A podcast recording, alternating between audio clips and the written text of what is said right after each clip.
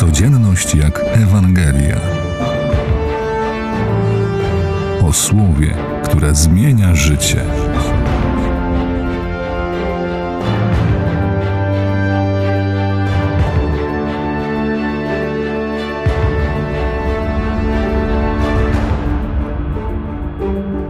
W dzisiejszej Ewangelii według świętego Mateusza słyszymy o ludziach, którzy wzięli pieniążki, aby rozpowiadać kłamstwo, że Chrystus wcale nie zmartwychwstał.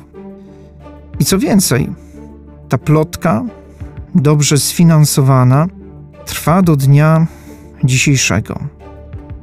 Tak się składa, że ojciec kłamstwa nie spoczął na laurach. Czy jesteśmy gotowi na mocne stwierdzenia? Słudzy kłamstwa to słudzy diabła. Nie ma sensu koloryzować, mówiąc o całej gamie odczeni szarości. Nie ma sensu.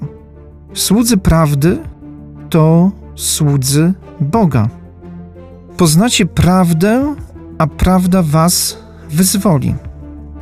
Dlaczego dzisiaj w przestrzeni życia osobistego, rodzinnego, społecznego czy gospodarczego nie możemy dorobić się skutecznych rozwiązań. Z bardzo prostej przyczyny, gdyż chcemy wiele rzeczy odbudowywać w oparciu o kłamstwo, o półprawdę.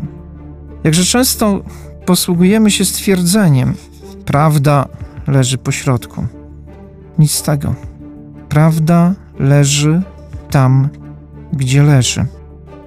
Poznacie prawdę, a prawda was wyzwoli. Czy jesteś gotowy na prawdę? Trzeba zacząć od siebie. Jestem zniewolony na różne sposoby, bo oszukuję sam siebie.